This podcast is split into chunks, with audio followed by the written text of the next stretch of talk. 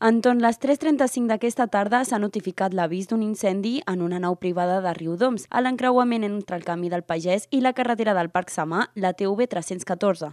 Actualment s'ha confinat el foc en el primer sector de la nau i s'ha parlat d'un possible risc elèctric, encara que es desconeix en quina zona hi ha aquest perill. Tot i això, els Mossos han tallat la carretera i els bombers han atacat el foc des de l'exterior del recinte. També s'ha procedit a sectoritzar la zona. Encara que no se sap una raó exacta per la qual s'ha iniciat el foc, s'ha indicat que estava controlat. En aquests moments compten amb un total de 13 dotacions i cap ferit, tot i que s'està a l'espera de nova informació.